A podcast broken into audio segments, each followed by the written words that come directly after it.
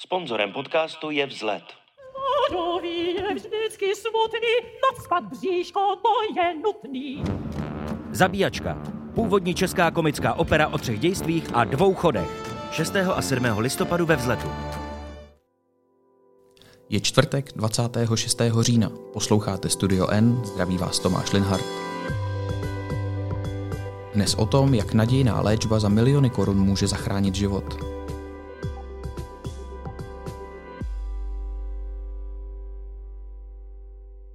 Od konce léta poutal pozornost české veřejnosti příběh dvouletého chlapce, který trpí závažnou chorobou a rodina na jeho léčbu ve sbírce schánila miliony korun. Sbírka nakonec dopadla úspěšně. Jak reálné ale je, aby se takto nákladné léky dostaly ke všem, kteří je potřebují? O tom se ve studiu N budu bavit s Ivou Bezděkovou, která je redakční specialistkou na zdravotnická témata. Ivo, vítej, ahoj. Ahoj Tomáši. Řekneš mi prosím na úvod, eh, kdo je Martínek a jakou nemocí trpí? Martínek je dvouletý chlapec, který trpí neurologickým postižením, eh, velmi vzácným, eh, které se projevuje podobně jako některé jiné onemocnění, třeba neumí zvedat hlavičku, svalová ochablost a podobně. Takže se to dá snadno zaměnit třeba s některým běžným onemocněním, které ty děti mají v jeho věku. A ten problém je, že ehm, v Česku tedy tento lék, který ehm, mohl Martínek mít, tak vůbec nebyl tedy zaregistrován. Vůbec vlastně ten výrobce nepožádal o jeho registraci a proto ani eh, pojišťovny nemohly eh, tento lék hradit. K problematice těchto léků se ještě dostaneme. Mě by ještě zajímalo, ty v tom článku, který je dneska na titulní straně Deníku N, eh, píšeš mimo jiné, že ta léčba přináší příběhy až podobné biblickým zázrakům. Mohla bys přiblížit, proč je tahle ta léčba zázračná? Nebo co to je vlastně ta genová terapie a čím se odlišuje od jiných léků? No, ta genová terapie je odlišná v tom, že je úplně na míru toho pacienta. My známe léky typu uh, tablety nebo infuze, uh, které se dají někde skladovat. Že jo? Je nakoupí výrobce a potom uh, každý ten pacient je dostane tak, jak je nakoupí v lékárně nebo mu je podají v nemocnici.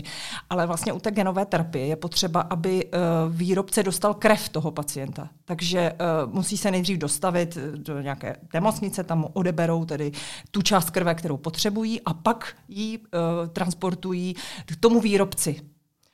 A protože to je vlastně strašně jednak jako logisticky náročné převážet krev tam a zpátky, dávat do ní uh, tu účinnou látku, která ji nějakým způsobem přeprogramovává, tak proto je to úplně něco jiného, než když člověk spolkne uh, antibiotika nebo projde chemoterapii a podobně. V tom je to úplně jakoby revoluční, v tom, že se manipuluje uh, s geny, který má každý samozřejmě jedinečné. Mluvila si o tom, že dvouletý Martínek trpí syndromem AADC. Eh, pro jaké další choroby nebo onemocnění se ta genová terapie ještě může hodit? Já bych řekla, že tady je důležité vlastně rozlišit dva uh, způsoby, jak funguje. Jednak ona vlastně umí uh, vyměnit nebo napravit ten poškozený gen. To je v případě Martinka, to je v případě dalších docela známých mediálně onemocnění, eh, jako je SMA, což je tedy eh, svalová eh, muskulární atrofie, kdy ty děti podobně jako v případě Martinka také prostě ochabují jim svaly, nemůžou polikat, nemůžou postupně mluvit. Takže u těch jakoby poškození genových oni opraví ten gen a vrátí ho zpátky do těla, častokrát třeba v tom případě Martinka nebo jiných, přímo do mozku, že musí zase vlastně jakoby tu část, kterou odebrali třeba krev, tak vrátit zpátky do toho orgánu, který je postižený. A potom, to si se ptal vlastně jakoby u kterých dalších onemocnění a tam je potenciál vlastně jakoby uh, zacílit mnohem více lidí že vlastně ta genová terapie umí uh, buňky naprogramovat tak, aby, uh, a to jsou vlastně naše imunitní buňky, té lymfocyty, prostě naše, na, naše obrany schopné buňky, tak, aby bojovali proti rakovině. Čili my jim vlastně jakoby pak, když jsou vráceny zpátky do toho těla, tak oni mají za úkol zlikvidovat ty buňky, které tedy způsobují rakovinu. Ivo, a dá se říct, jaká je úspěšnost léčby genovou terapií? Protože například z dob covidu jsme si zvykli na informace o tom, že existují vakcíny, které mají například 90% úspěšnost. Jak je to u genové terapie? Uh, ona je hodně mladá. To si ještě určitě potom řekneme, ale třeba tady je to otázka tří let, kdy se používá.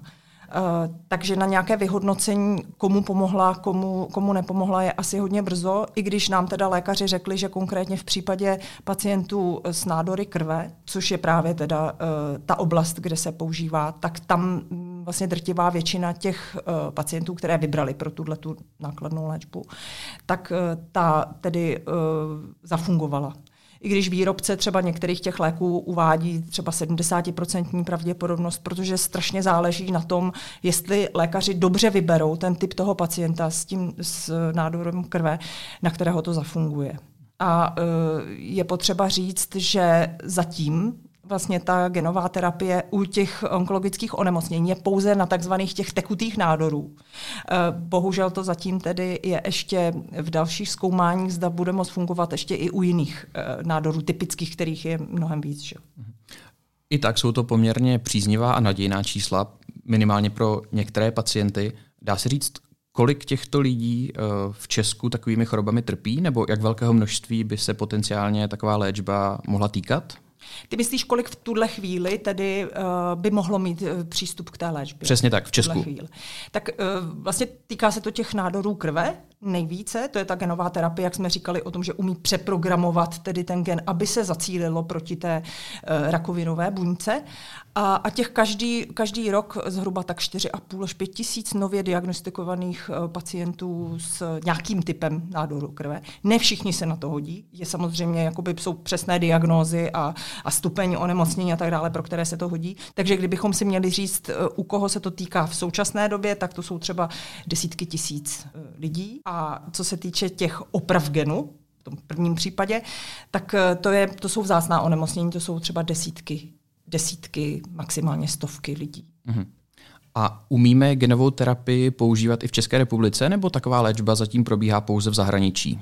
Ano, u nás je, u nás, eh, jak už jsem říkala, je to teda velmi čerstvé. Eh, je vlastně pojišťovny to schválili eh, zhruba před dvěmi nebo třemi lety. Jsou vlastně tři přípravky, které se tady tedy hradí. Takže ano, v Česku je dostupná. Mm, Lékaři nám říkali, že zhruba stovce pacientů letos podávají tuto léčbu. Těch, bavíme se teda pořád o, o rakovině krve. To jsou ta hemato-onkologická onemocnění. onemocnění. Přesně tak. Takže, takže těm. A potom ještě, co se týče těch oprav genu, tak eh, to je také velice čerstvá věc. A to, jsou, to je právě ta uh, svalová atrofie. A to také bylo poměrně mediálně známe, to byly ty případy opět dětí, které se teda narodí, vypadají jak hadrové panenky a bez, bez léčby uh, jsou potané na vozíčeku, uh, nemůžou vlastně ani mluvit, nemůžou polikat. A tam je velký posun, protože tam se vlastně uh, poslední rok nebo dva dělá přímo screening, že miminko, když se narodí, tak mu lékaři odeberou krev a zjistí v tom genu, jestli tedy nemá tuto nemoc. A pokud ano, tak je zavčas léčen ale opravdu vlastně ty léky, které jsou na ty opravy genu, tak ty jsou uh, eh, 40-50 milionů korun stojí. Mm-hmm. Ale zase vlastně ten argument je, že pokud uh, ho jakoby nainvestujeme tyto peníze do toho dětského života za, zavčasu, tak pak může žít uh, plnohodnotný život. Pokud jsem to správně pochopil, tak ty jsi zmínila, že mohou být až tisíce pacientů, uh, pro které by genová terapie mohla být vhodná. Jaké procento z nich nebo kolik z nich už dneska v České republice tu léčbu využívá?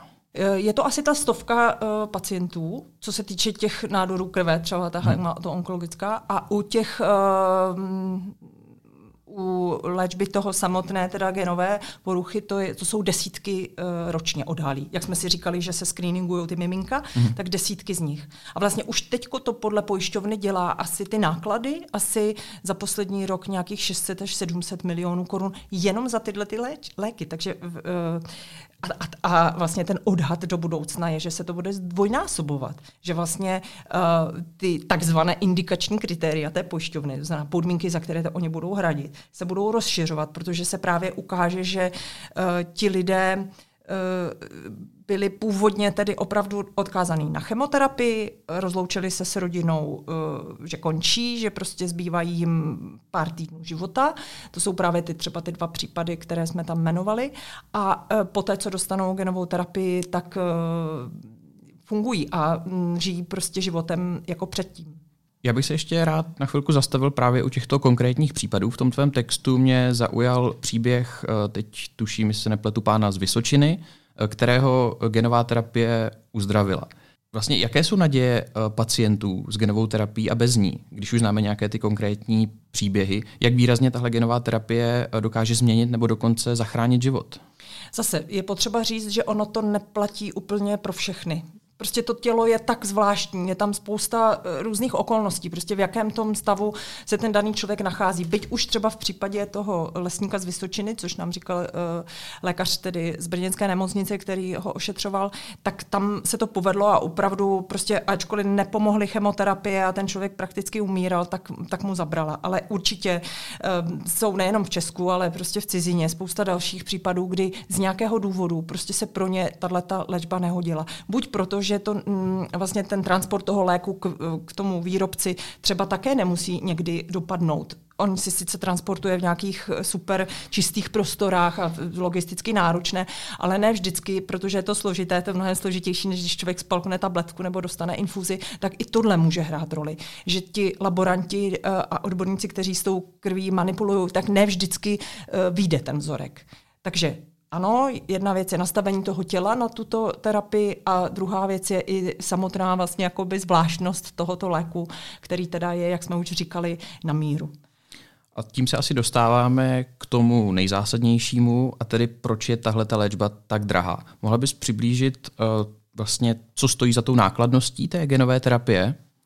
My už jsme to trošku vlastně nakousli, že tím, že jsem popsala, jak to, jak to vlastně funguje. Ten člověk se musí nejdřív dostavit do nějakého specializovaného centra, eh, tady v Česku, třeba v Praze na UHKT, eh, v Brně mají také hematoonkologickou kliniku a tam podstoupí odběr krve, ale ne klasický. Mhm. Eh, vyberou vlastně z té krve jenom tu část vlastně té krevní populace, kterou potřebují proto, aby v ní v cizině ve třech místech v Evropě, ve Francii, v, ve Švýcarsku a ještě tuším na jednom místě. V Nizozemsku. V Nizozemsku, ano, děkuju. Takže tam, tam tedy putuje teda přes Evropu eh, ten odběr toho malého, je to takový malý vak.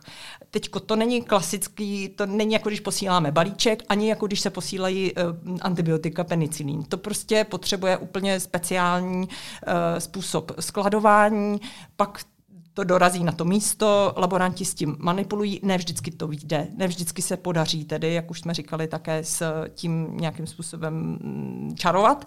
Eh, do toho se teprve do té odebrané krevní populace dá ten samotný lék, ten, co vy, vynalezli, ten nějak reaguje tedy s uh, tou krví, pak se musí zase zabalit a putuje zpátky k tomu pacientovi.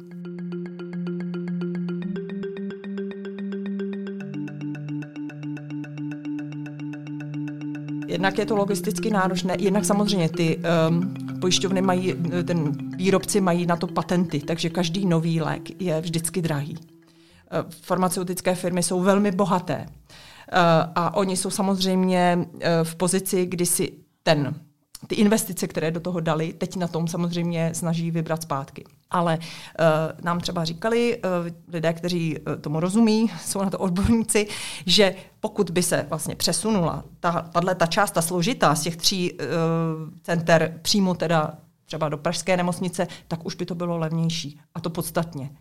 A za druhé, a, a k tomu se možná ještě dostaneme, častokrát uh, je to proto, že se s těmi výrobci třeba nedostatečně vyjednává o ceně. V případě Martinka, abychom se k němu zase zpátky vrátili, eh, výrobce nepožádal eh, o úhradu tady. Pokud by požádal, tak by pojišťovny s nimi mohly jednat takzvanými risk sharingovými smlouvami a dostat se třeba na poloviční cenu.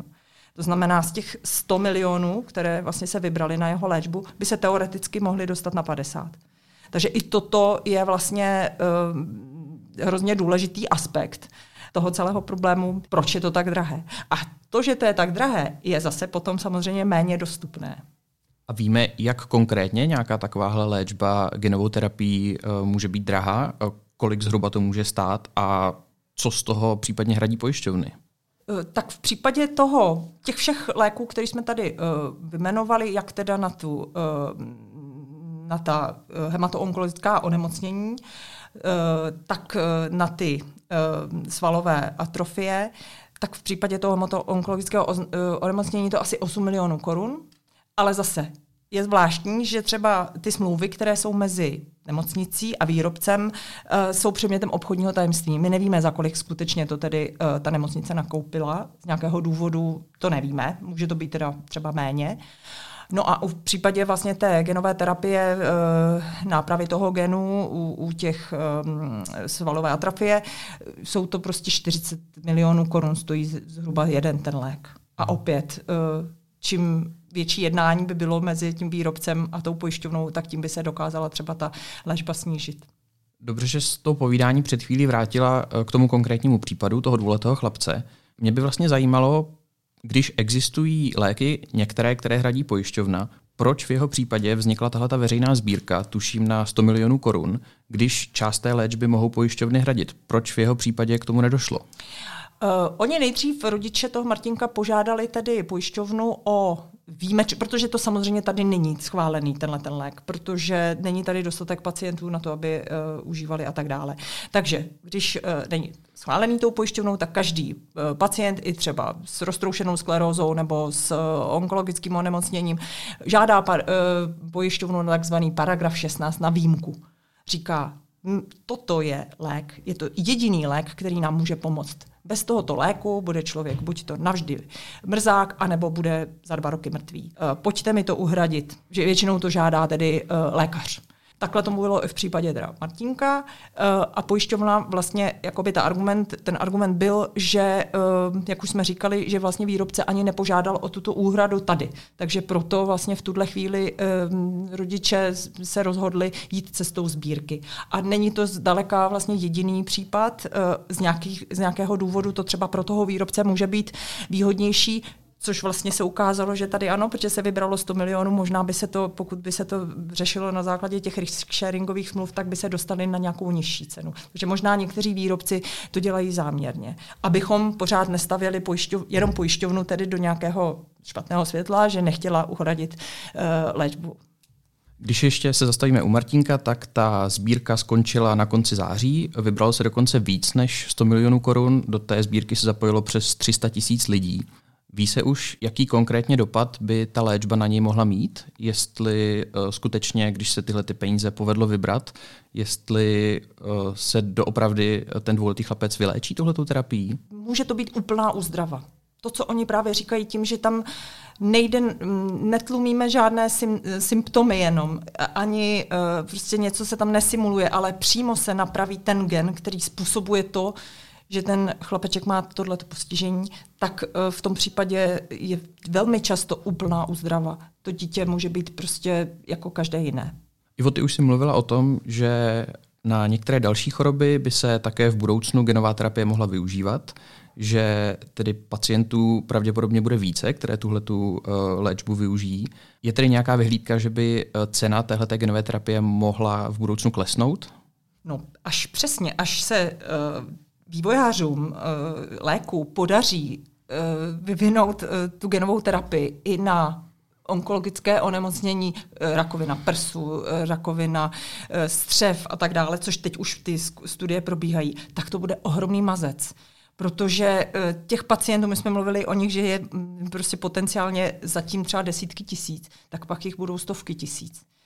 A pokud, to, eh, pokud ta cena teda rapidně nějakým způsobem neklesne, tak to bude pro tu pojišťovnu. Už teďko jsme říkali, že to jsou prostě 600 milionů korun jenom na těle těch pár léků, které tady jsou, pro těch málo eh, pacientů. Tak eh, pak už skutečně by se to muselo řešit nějak jinak, když bychom si vzali, kolik pacientů by teda bylo cílovou skupinou pro tuhle léčbu. A e, té ceny, to už jsme se vlastně trošku dotkli, že by to mohlo jít dolů ta cena, pokud jich bude víc těch pacientů. Pak ti výrobci, to je takhle jako s každým jiným zbožím. Pokud máš větší odbyt, tak můžeš e, tu cenu snížit. Tak ano, tak ano, do Česka posílám to ne k, ke stovce pacientům, ale k desítky tisíc nebo 50 tisíc, tak tu cenu můžu dát níž. Takže bude, jako tohle jde ruku v ruce, ale ten mezistupeň, e, až teda budou se tím moci léčit i pacienti teda s jiným typem onkologické choroby, tak to bude pro pojišťovnu asi, jak říkám, opravdu velké dilema a velký mazec v, celé té, eh, v celém tom zdravotnictví. Nejenom u nás, že jo? Závěrem by mě ještě zajímalo, jak moc je úprava genů ve zdravotnictví revoluční? Dá se taky mluvit například o nějakých etických aspektech téhle léčby?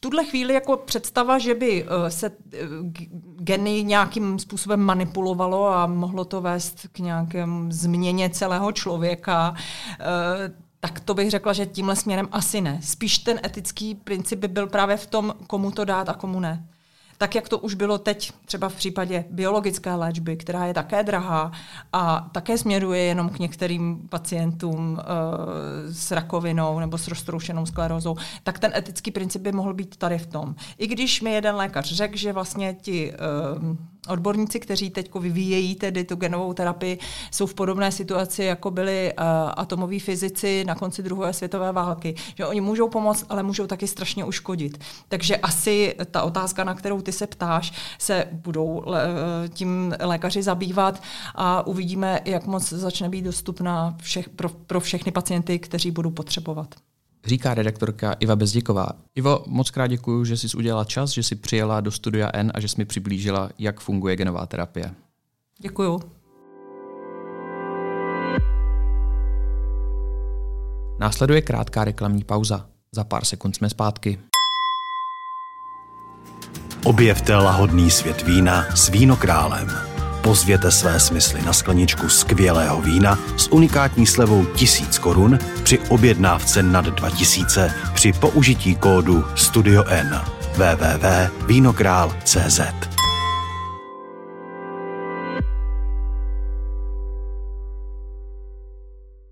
A jaké zprávy by vás dneska neměly minout? Zájemci o střední školy zřejmě budou moci podat tři přihlášky místo dvou. Sněmovna schválila změnu pravidel přijímacího řízení, která má obsazování středních škol urychlit a zjednodušit. Novelu nyní projedná Senát. Podle Bezpečnostní informační služby v Česku pobývala osoba, která může mít vazby na ruskou tajnou službu GRU a využívat novinářské krytí k účasti na mezinárodních akcích s ruskou opozicí. Více na deník n.cz. Po půl roce pokračuje projednávání případu Dominika Ferryho, který čelí obžalobě ze dvou znásilnění a pokusu o něj. Soud dnes hlavní líčení přerušil do 31. října. Prezident Petr Pavel navrhl Senátu na ústavní soudce advokátku Lucii Dolanskou Baňájovou a soudce nejvyššího správního soudu Zdeňka Kína. Americká sněmovna reprezentantů má nového předsedu, je jím republikán Mike Johnson. Před volbou ho podpořil bývalý prezident Donald Trump. Naslyšenou zítra.